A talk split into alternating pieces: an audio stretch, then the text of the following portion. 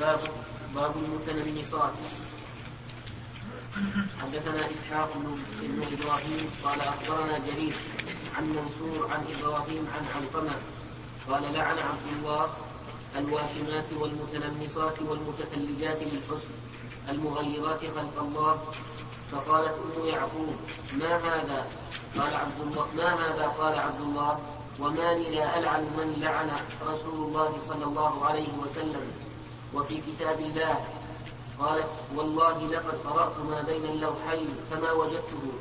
قال والله لئن قرأتيه لقد وجدتيه وما آتاكم الرسول فخذوه وما نهاكم عنه فانتهوا.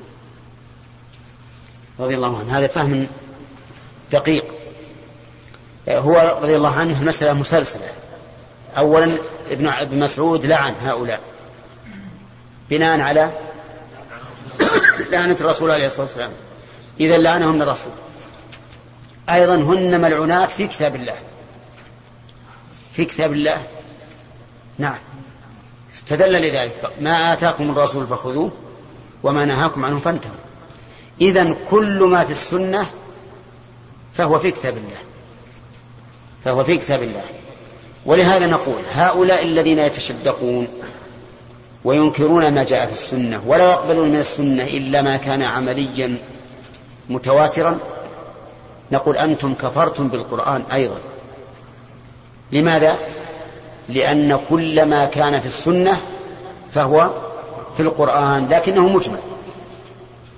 ما آتاكم الرسول فخذوه. في أيضا من يطع الرسول فقد أطاع الله. من يطع الرسول فقد أطاع الله. مفهومه. ومن يعصي الرسول فقد الله فإذا كما يجب علينا أن نؤمن بما في القرآن يجب علينا أن نؤمن بما صح عن النبي صلى الله عليه وسلم في السنة. سواء كان ذلك طلبا وهو ما يتعلق بالأحكام أو خبرا. ولهذا القول المتعين أن أخبار الآحاد الصحيحة يؤخذ بها في العقائد كما يؤخذ بها في الأحكام. وقد مر علينا أن كل حكم فإنه مصحوب بعقيدة. كل حكم مصحوب بعقيدة؟ لأنك لا تفعل هذا الشيء إلا وأنت مؤمن بأنه من شرع الله. لو صليت على أنها ليست من شرع الله ما نفعتك. وكذلك لو صمت فهؤلاء الذين يفرقون بين العقائد وبين الأحكام العملية تفريقهم ضائع.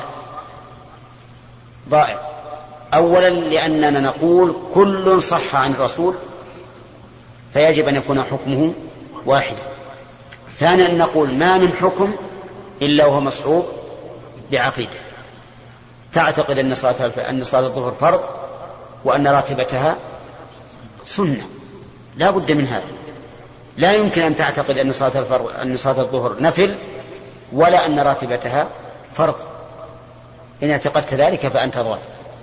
بل إنك كافر على رأي أهل العلم. إذا اعتقدت ما علمت فرضيته بالضرورة من دين الإسلام إذا اعتقدته سنة فهذا كفر. طيب دقيقة وفي هذا أيضا دليل على مراجعة العالم. دليل على مراجعة العالم. أم يعقوب امرأة.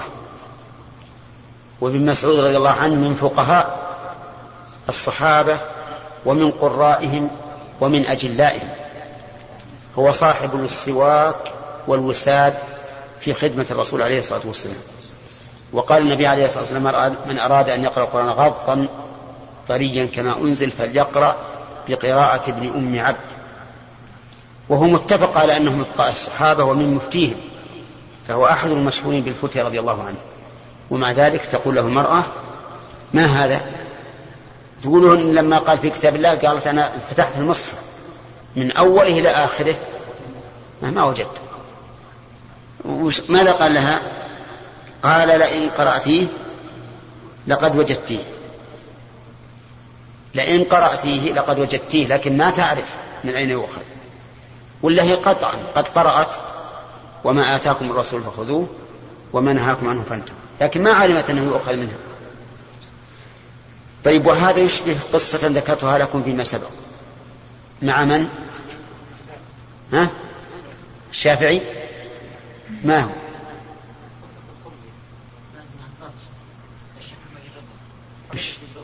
محمد عبد اللي هو محمد عبده ومحمد رشيد تلميذ معروف. دخل مطعما في فرنسا وكان فيه نصراني والنصارى يحبون أن يشوشوا على المسلمين عقيدتهم. كلما استطاعوا. فقال له إن القرآن يقول الله تعالى فيه ونزلنا عليك الكتاب تبيانا لكل شيء تبيانا لكل شيء. وأرني في القرآن كيف يصنع هذا الطعام. فقال له الرجل هذا موجود في القرآن. قال وين؟ فدعا صاحب المطعم وقال له كيف تصنع هذا؟ كيف تصنع هذا؟ قال قل كذا وكذا وكذا وذكره. قال هكذا في القرآن. هكذا في القرآن. فتعجب الرجل. قال لأن الله قال فاسألوا أهل الذكر إن كنتم لا تعلمون. فالذي ما بينه القرآن بين لنا كيف نهتدي إليه. نعم. فبهت الذي كفر. بهت الذي كفر. ولكن نسأل الله يجيب للناس مثل هؤلاء الأذكياء. نعم. يمكن لو جاء واحد نصراني واحد من, طلبة العلم اللي ما عنده انتباه. نعم. قال ما وجد الكتاب القرآن شيء. قال والله صحيح هذا ما في القرآن كيف تصنع الخبز وتجيب هذا المرق وتجيب نعم؟ هذا ما هو موجود. لكن ذلك فضل الله يؤتي من يشاء. نعم. طيب في هذا الحديث مخالف مخالفة لقاعدة معروفة في النحو. ها؟ إثبات الياء لئن كنت قرأتيه نعم. لقد وجدتيه. ها؟ إيه لئن قرأتيه ما يخالف.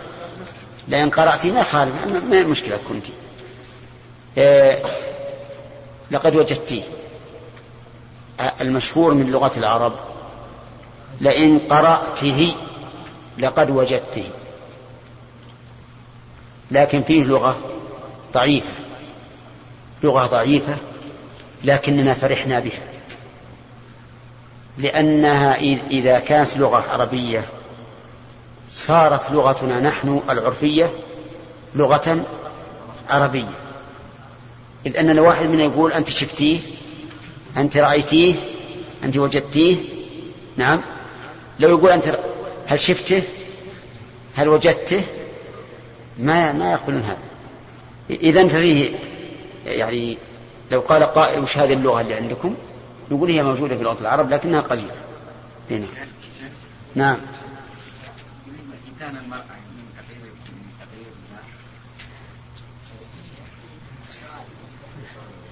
ذكرناها يا آدم ذكرناها قبل قليل نعم أحمد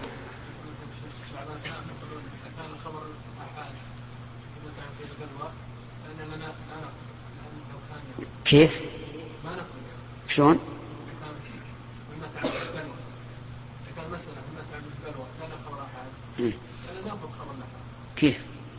اللي تعمل بالبلوى هو يأيد أخبار الآحاد.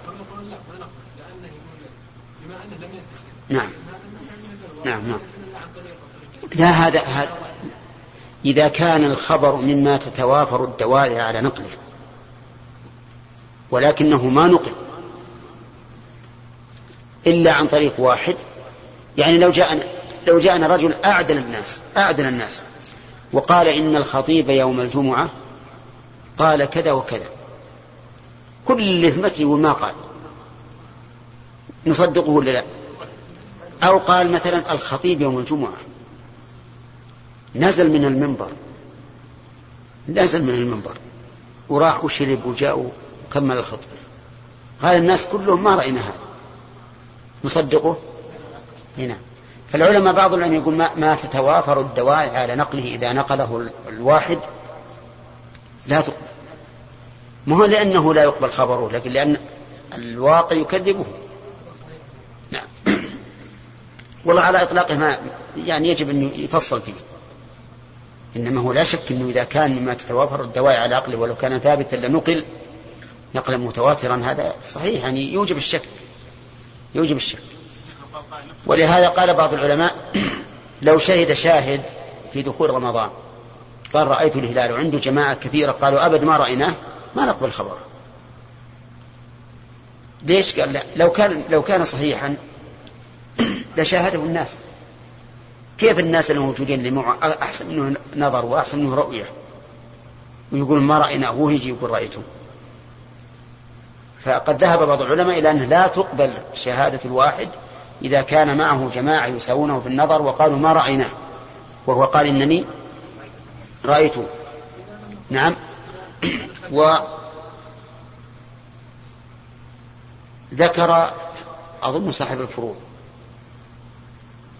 أن أحد القضاة جاءه رجل شيخ ثقة وقال إني رأيت الهلال.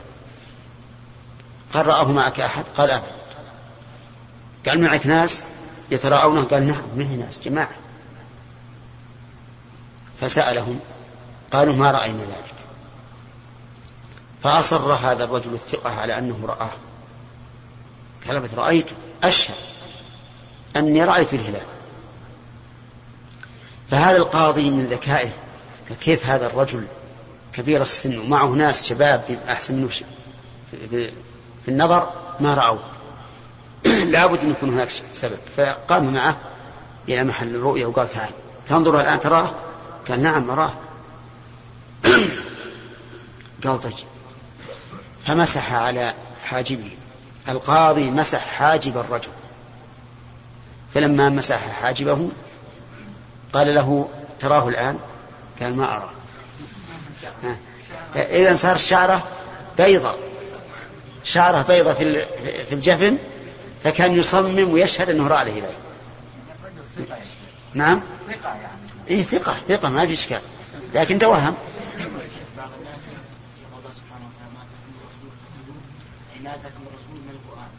نعم. نقول هذا خطأ. من قال لك الرسول قال الله قال ما آتاكم الرسول ولم يقيدها فأنت تقيدها لتوافق قولك ولا يمكن أن ننزل الأدلة على قولك. كل إنسان يقول قول حرف النصوص على قوله ويقول هذا ما دلت عليه.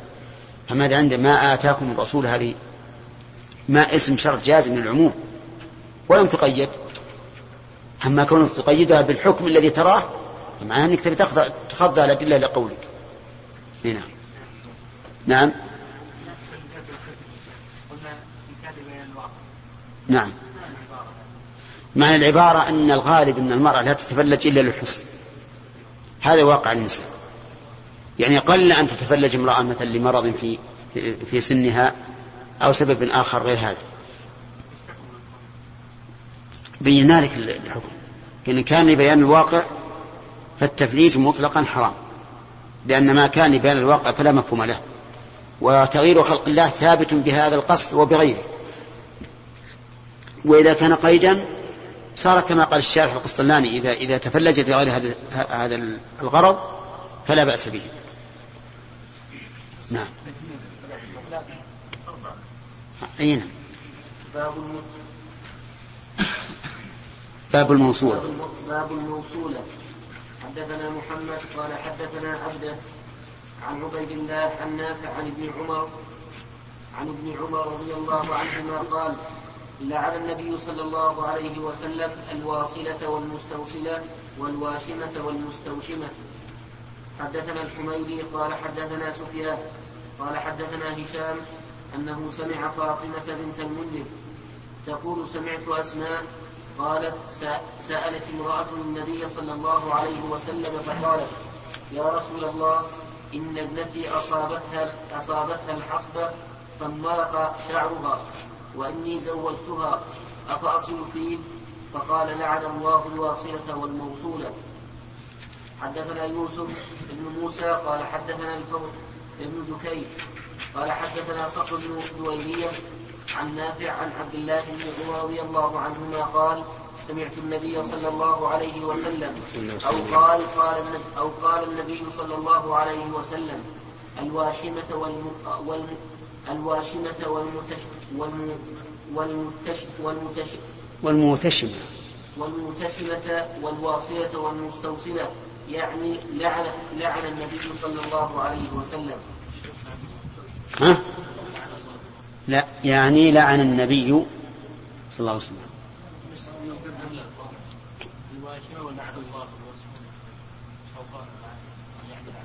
الأخير ما هي عندنا؟ ولا أشار إليه إلا نعم نعم. هذا سمع حدثنا محمد. حدثنا محمد بن مقاتل. قال أخبرنا عبد الله قال أخبرنا سفيان عن منصور عن إبراهيم عن علقمة. عن ابن مسعود رضي الله عنه قال لعن الله الواشمات والمستوشمات والمتنمصات والمتفلجات للحسن المغيرات عن الله. ما لي لا ألعن من لعنه الله من لعنه رسول الله صلى الله عليه وسلم وهو في كتاب الله. ها؟ وهو ملعون في كتاب الله؟ ما عندنا. ولا أشير إليه أبدا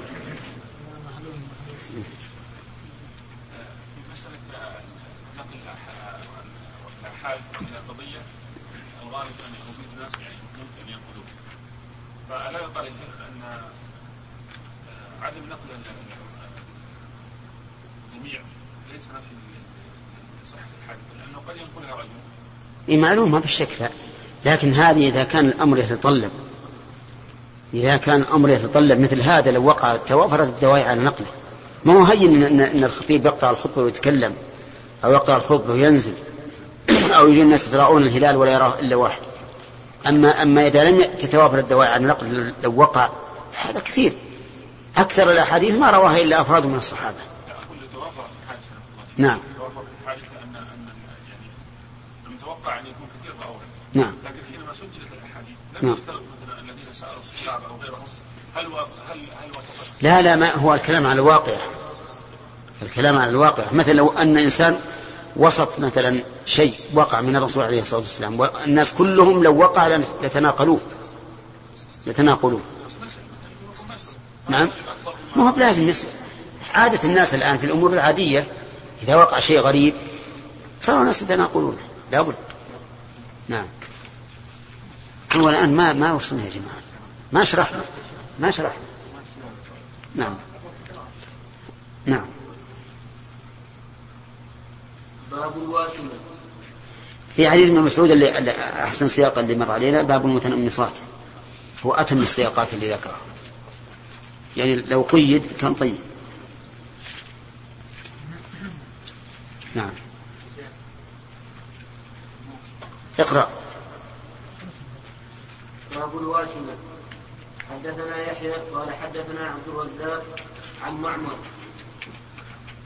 عن همام عن أبي هريرة رضي الله عنه قال قال رسول الله صلى الله عليه وسلم العين حق ونهى عن الوشم حدثني ابن بشار قال حدثنا ابن مهدي قال حدثنا سفيان قال طيب العين حق. العين معروفة. هي أن يصاب الإنسان بنفس خبيثة. تكون مملوءة حسدا. فيخرج من هذه النفس الخبيثة المملوءة حسدا يخرج منها قوة خفية تصيب المعان كما يصيب السهم الرمية. تأتي أحيانا باختيار من العائن وأحيانا بغير اختيار. أحيانا مجرد ما يرى الشيء الذي يعجبه على طول تنطلق ال... آه... إيش؟ السهم. وأحيانا لا يكون باختياره ويتحكم فيها يتحكم فيها. حتى إن بعضهم يخير المعان أحيانا يقول إيش تبي؟ تبي أسوي بك كذا ولا كذا ولا كذا ولا كذا. إي نعم. أنا أخبرني رجل أنه أصيب صاحب له بعين إنسان وبقي هذا الرجل المصاب خمسة عشر يوما لا ينام ليلا ولا يستريح نهارا من عينه وكان له مال إبل فضاعت إبله لأنه أصيب بعين. وكان له صاحب هذا المصاب فجاءه يعود فقال ما الذي أصابك؟ قال أصابني فلان. فذهب إليه هذا الصاحب إلى فلان العائن وقال له مالك على فلان؟ ليش تصيب؟ الآن مرض بعينه وضاعت إبله ولكن اختر إحدى ثلاث. إما أن نصلي عليك العصر في الجامع ميتا. نعم هذا جاء الضحى. إيه نعم. وإما أن نحبسك في بيتك لا تخرج. وإما أن تعطيني عهدا بأنه من المكان الفلاني إلى المكان الفلاني ما يصاب أحد منهم بعين. وش بيختار؟ الأخير الثالث. اختار الأخير وقال أنا أعطيك عهدا وأعاهدك إن من المكان الفلاني إلى المكان الفلاني ما يصاب أحد منهم مني بعين قال يلا هات هات هات طاقيتك. طاقية؟ هذا أخذ طاقيته وراح به للمصاب ووضعها في ماء حتى تشربت الماء ثم شرب منه ومسح عينيه وخرج مع الناس يصلي الظهر. وفي آخر النهار جاءه الخبر بأن جميع إبله رجعت ما فقد منها ولا بعيد. هنا سبحان الله. العظيم ولهذا قال الرسول صلى الله عليه وسلم العين حق. حق ثابت. ما في إشكال. ولا أحد ينكرها. وقال أبو هريرة ونهى عن الوشم. وإنما قال ونهى عن الوشم لأن الوشم فيه نوع من التحسين والتزيين. فقد يصاب الموشوم بإيش؟ بعين العائد ولهذا قال بعض الناس إذا كان صبيك إذا جعلت فيه تحسينا لوجهه أو ثيابه فاجعل شيئا يفسد هذا الحسن يعني بحيث إذا رآه الرائي لا يراه كاملا من كل وجه. لا يراه كاملا من كل وجه. لأجل إذا رأى هذا الناقص يهون ما في نفسه من الحسد والعين والعياذ بالله. نعم؟ وكان الناس يفعلون هذا. وذكر وذكر في زاد المعاد ذكر له أصلا عن النبي عليه الصلاة والسلام. و فإذا كان العين حق والوشم مما يحسن الموشوم فإنه يكون عرضة لأن لأن يصاب بالعين. نعم. طيب. خلص الوقت؟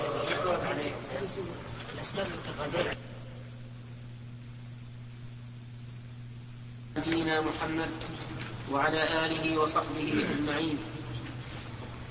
قال المصنف رحمه الله تعالى حدثنا سليمان بن حرب قال حدثنا شعبة عن عون بن أبي جحيفة قال رأيت أبي فقال قال رأيت أبي فقال إن النبي صلى الله عليه وسلم نهى عن ثمن الدم وثمن الكلب وآكل الربا وموكله والواشمة والمستوشمة بسم الله الرحمن الرحيم. سبق لنا أن أن الرسول عليه الصلاة والسلام ذكر قاعدة مفيدة نافعة. وهي أن الله إذا حرم شيئا حرم ثمنه. فالدم حرام فثمنه حرام. وإذا أخذنا بعموم هذا الحديث قلنا إن التبرع بالدم بثمن حرام لأنه ثمن دم.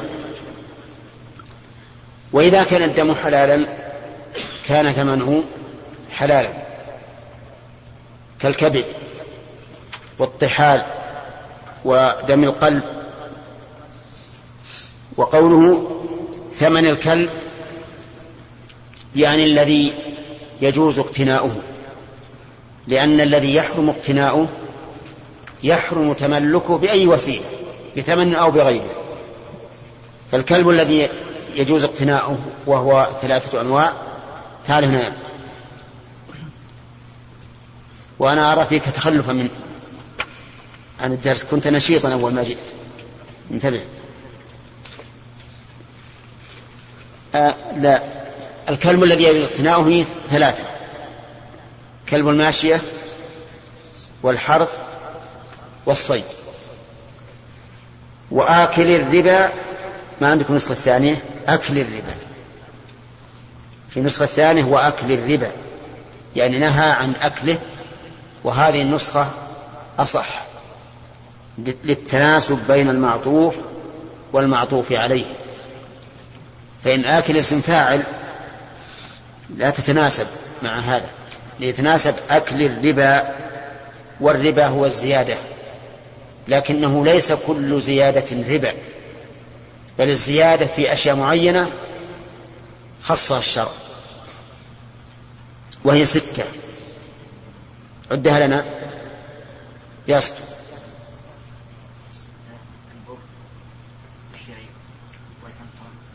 أصبر الحنطة هي البر والملح. ستة أشياء. عبد الله. عدة.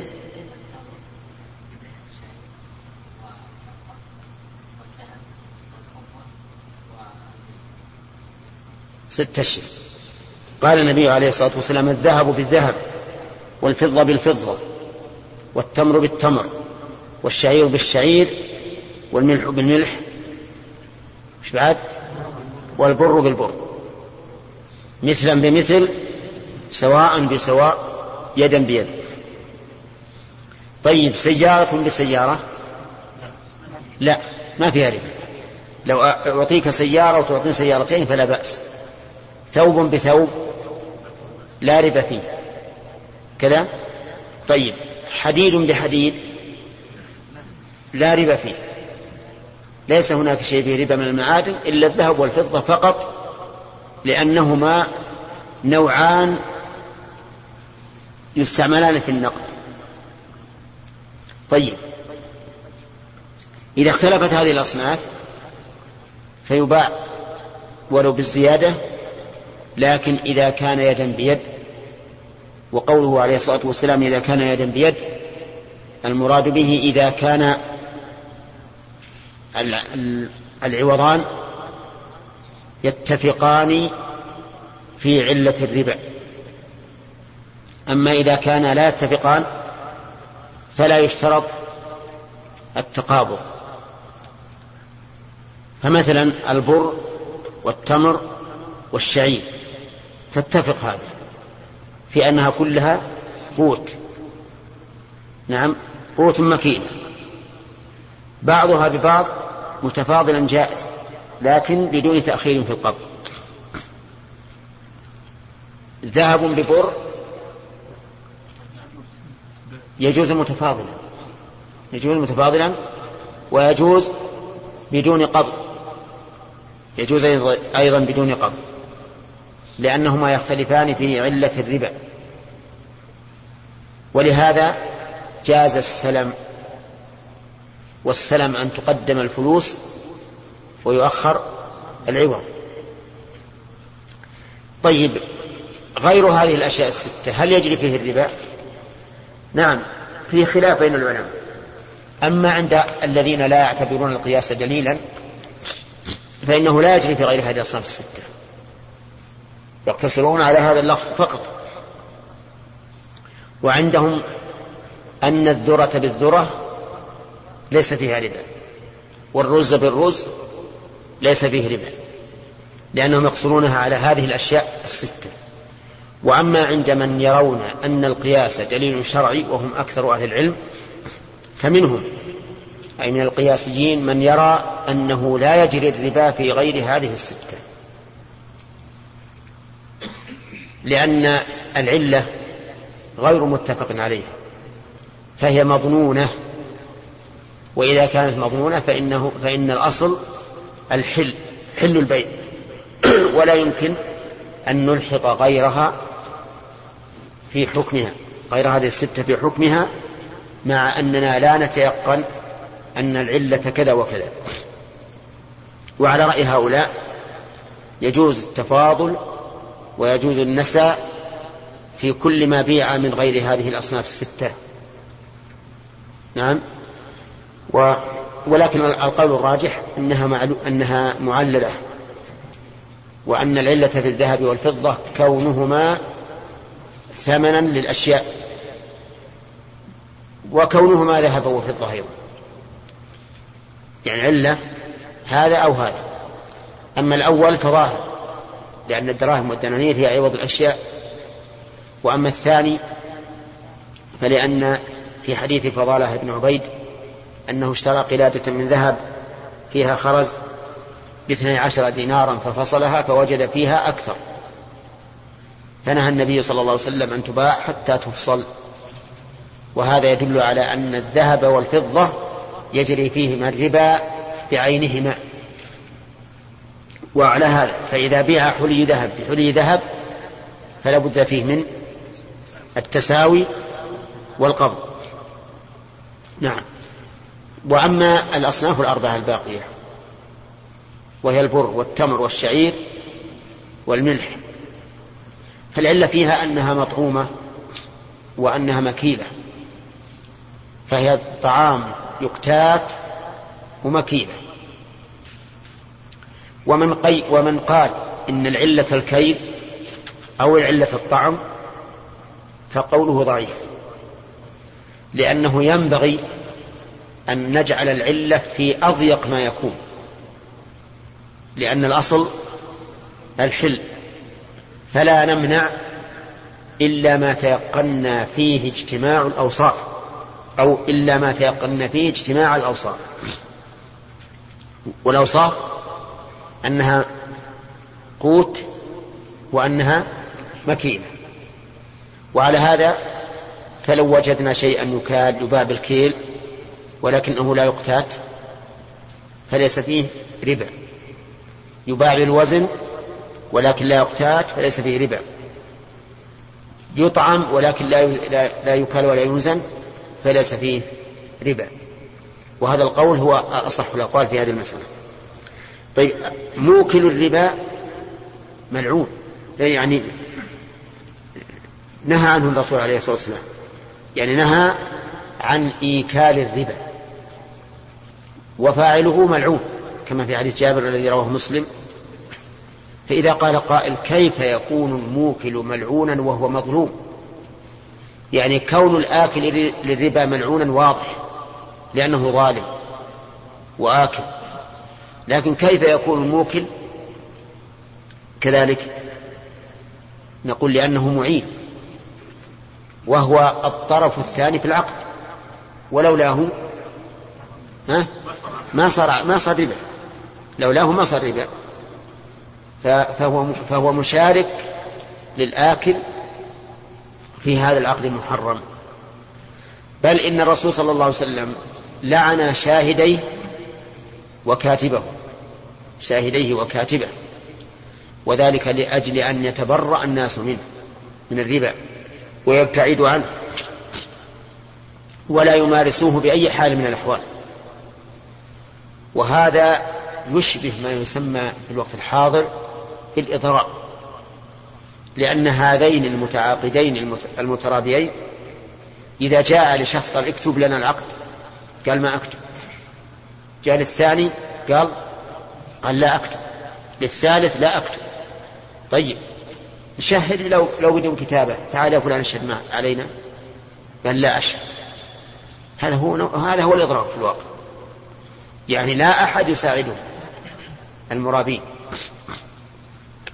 وهذا الشاهد أو الكاتب والعياذ بالله ما استفاد. ما استفاد إلا اللعنة وهي الطرد والإبعاد عن رحمة الله. فهو خاسر في دينه ودنياه. كما أن آكل الربا وموكله خاسران في دينهما ودنياهما. أما آكل الربا فإنك إذا تأملت وجدت أن الذين يأكلون الربا يصابون بالفقر. بالفقر. إما الفقر الحسي أو الفقر المعنوي. الفقر الحسي أن الله يمحق ماله. تأتيها فات. أو يبيعون على أناس يفلسون. وتضيع أموالهم. أو فقر معنوي. بحيث لا تشبع قلوبهم من الدنيا فعندهم الأموال المكدسة ولكن قلوبهم قفر من الغنى والعياذ بالله. هذا فقر أشد من من الفقر الحسي. الفقير فقر الحسي يريح القلب. لكن هذا غير مستريح القلب والعياذ بالله. وأما موكل الربا فإنه خصان أيضا في الدنيا لأن الغالب أن هذا الذي يستمرئ الربا ويستهين به. الغالب أنه إذا حل عليه الدين وليس عنده شيء ذهب يأخذ دين آخر ربا ثم تتراكم عليه الديون حتى تمحق ماله. وهذا شيء مجرب وشيء مشاهد. يقول أيضا والواشمة والمستوشمة. الشاهد قولها الواشمة وسبق لنا مع تعريف الواشمة والمستوشمة أيضا. نعم.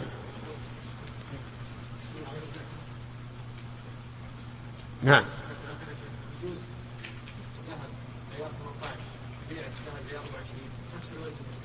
اي نعم. وزنا بوزن. ما يأثر. يعني هذا أطيب من ذا. هذا أطيب من ذا. ولهذا لما جاء بلال إلى النبي عليه الصلاة والسلام بتمر جيد قال من أين هذا؟ يعني استغرب ما هو تمر الرسول من هذا الطيب؟ قال يا رسول الله اشتريت صاعا من هذا بصاعين ليطعم النبي صلى الله عليه وسلم. هذا طيب ولا رجل.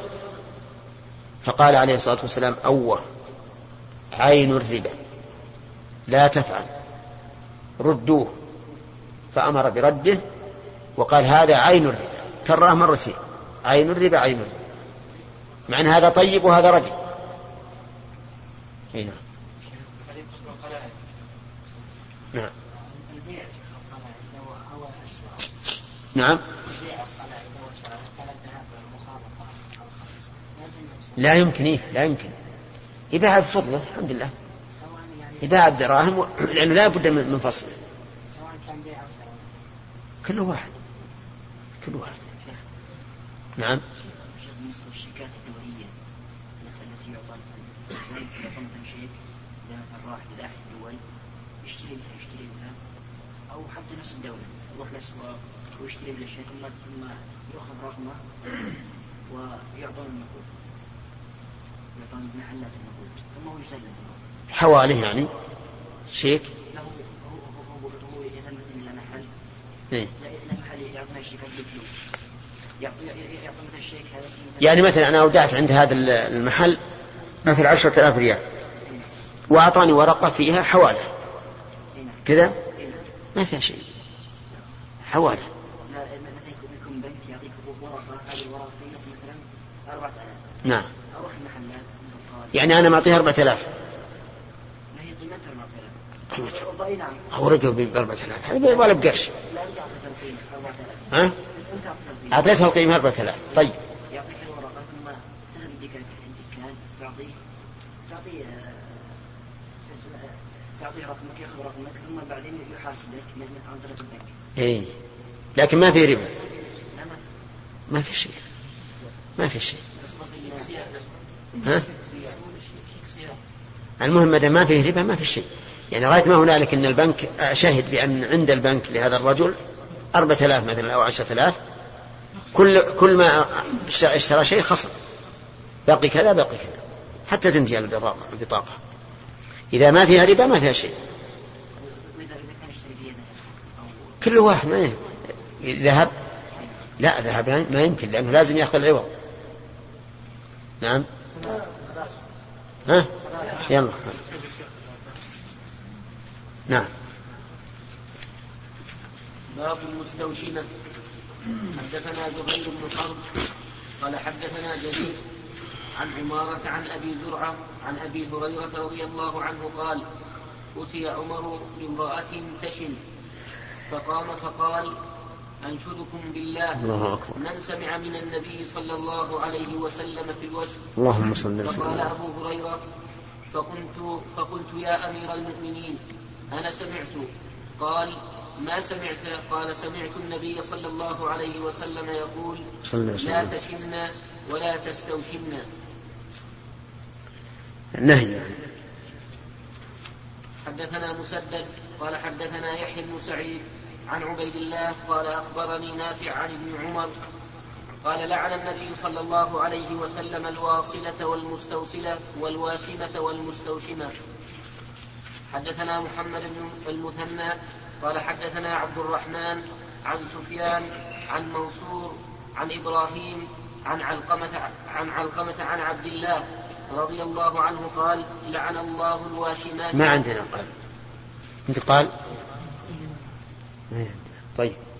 قال لعن, لعن الله الواشمات والمستوشمات والمتنمصات والمتثلجات للحسن المغيرات خلق الله ما لي لا ألعن من لعن, من لعن رسول الله صلى الله عليه وسلم وهو في كتاب الله.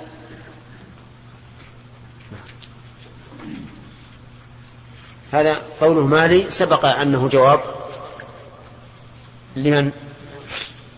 للمرأة التي سماها أم يعقوب. هنا. نعم. رحمك الله. ها؟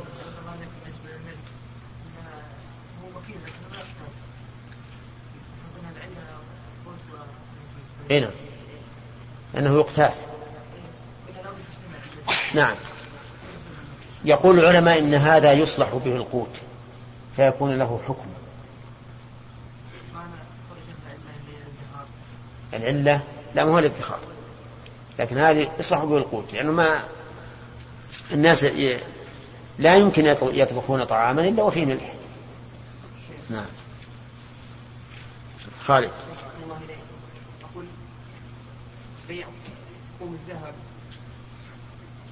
نوع من الذهب بخصوص كألماس ونحوها. من هذه الجواقيت ولهذا لا بد فيه من فصل الخصوص. أي نعم. ولا يباع بغير الذهب. أي نعم. ابيع بورق إيه ما في شيء. لكن أنا عندي مثل طقم ذهب وعند هذا الرجل طقم ذهب فيه فصوص. ما يجوز نبيع بعضهم بعض. لكن إذا بعته بدراهم ما في شيء. لا لا دراهم ما في شيء. نعم شيبة. الآن يا شيخ يوجد للنساء وصلة ريش وضعنهن على الشعر هذه تعتبر واصلة والله إذا كان الش... إذا كان الريش يشبه الرأس بحيث يظن الظان أن هذا رأس فهذا وصل. يوجد منه أسود وأبيض. وإذا كان لا يشبه فلا بأس به. ما في معنى. يعني إذا كان يوجد أسود مثل الرأس. إذا كان أسود بحيث إذا رآه الرائي قال هذا رأس فهذا وصل وإذا كان يتميز بحمرة أو خضرة أو بياض. ولا يجوز بيع غير أيهن. الذي يشبه الرأس. ما هو أعطيناك القاعدة قبل قليل يا أخي. إيه الآن يوجد. وش القاعدة اللي قلنا؟